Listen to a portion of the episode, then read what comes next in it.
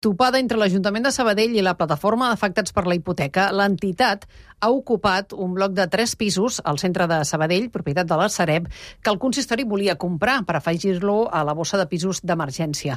L'immoble portava vuit anys deshabitat. Anem a Sabadell. Miquel Jarquer, bon dia. Hola, bon dia, Marta. Eh, Quin és el perfil de les persones que ara han ocupat aquest edifici? Doncs mira, són tres famílies sense papers que ara es podran reagrupar. He parlat amb dues d'aquestes famílies.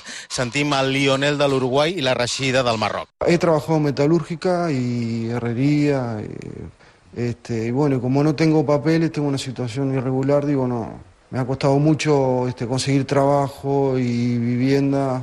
Y bueno, no he podido encontrar un lugar para vivir. Me vine solo, tengo mi familia mi país. Este, y estoy tratando de reagruparnos. Digo, ahora, gracias a Dios, ya, ya van a poder venir y bueno, dos hijos en Marruecos. Permitir llevar eh, mis hijos, mis hijos aquí eh, para vivir una vida mejor que, que antes en Marruecos estaba, estaba fatal, estaba muy, muy fatal.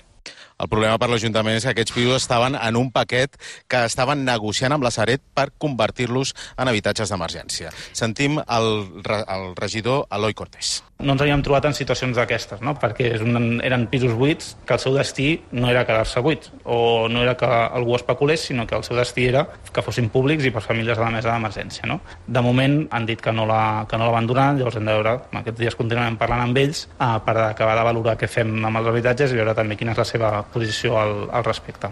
Una ocupació, per tant, que manté en stand-by a l'Ajuntament.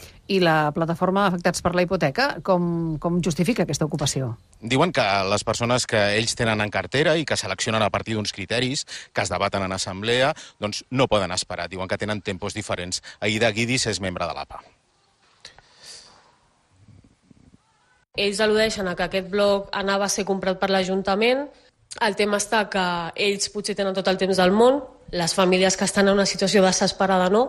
Nosaltres tenim els nostres tempos, que són els de l'emergència habitacional que vivim, i es pot regularitzar la situació, poden comprar-lo, inclús regularitzar la situació de les famílies. Tot i les peticions de l'Ajuntament, la plataforma avisa que no farà marxa enrere en aquesta ocupació.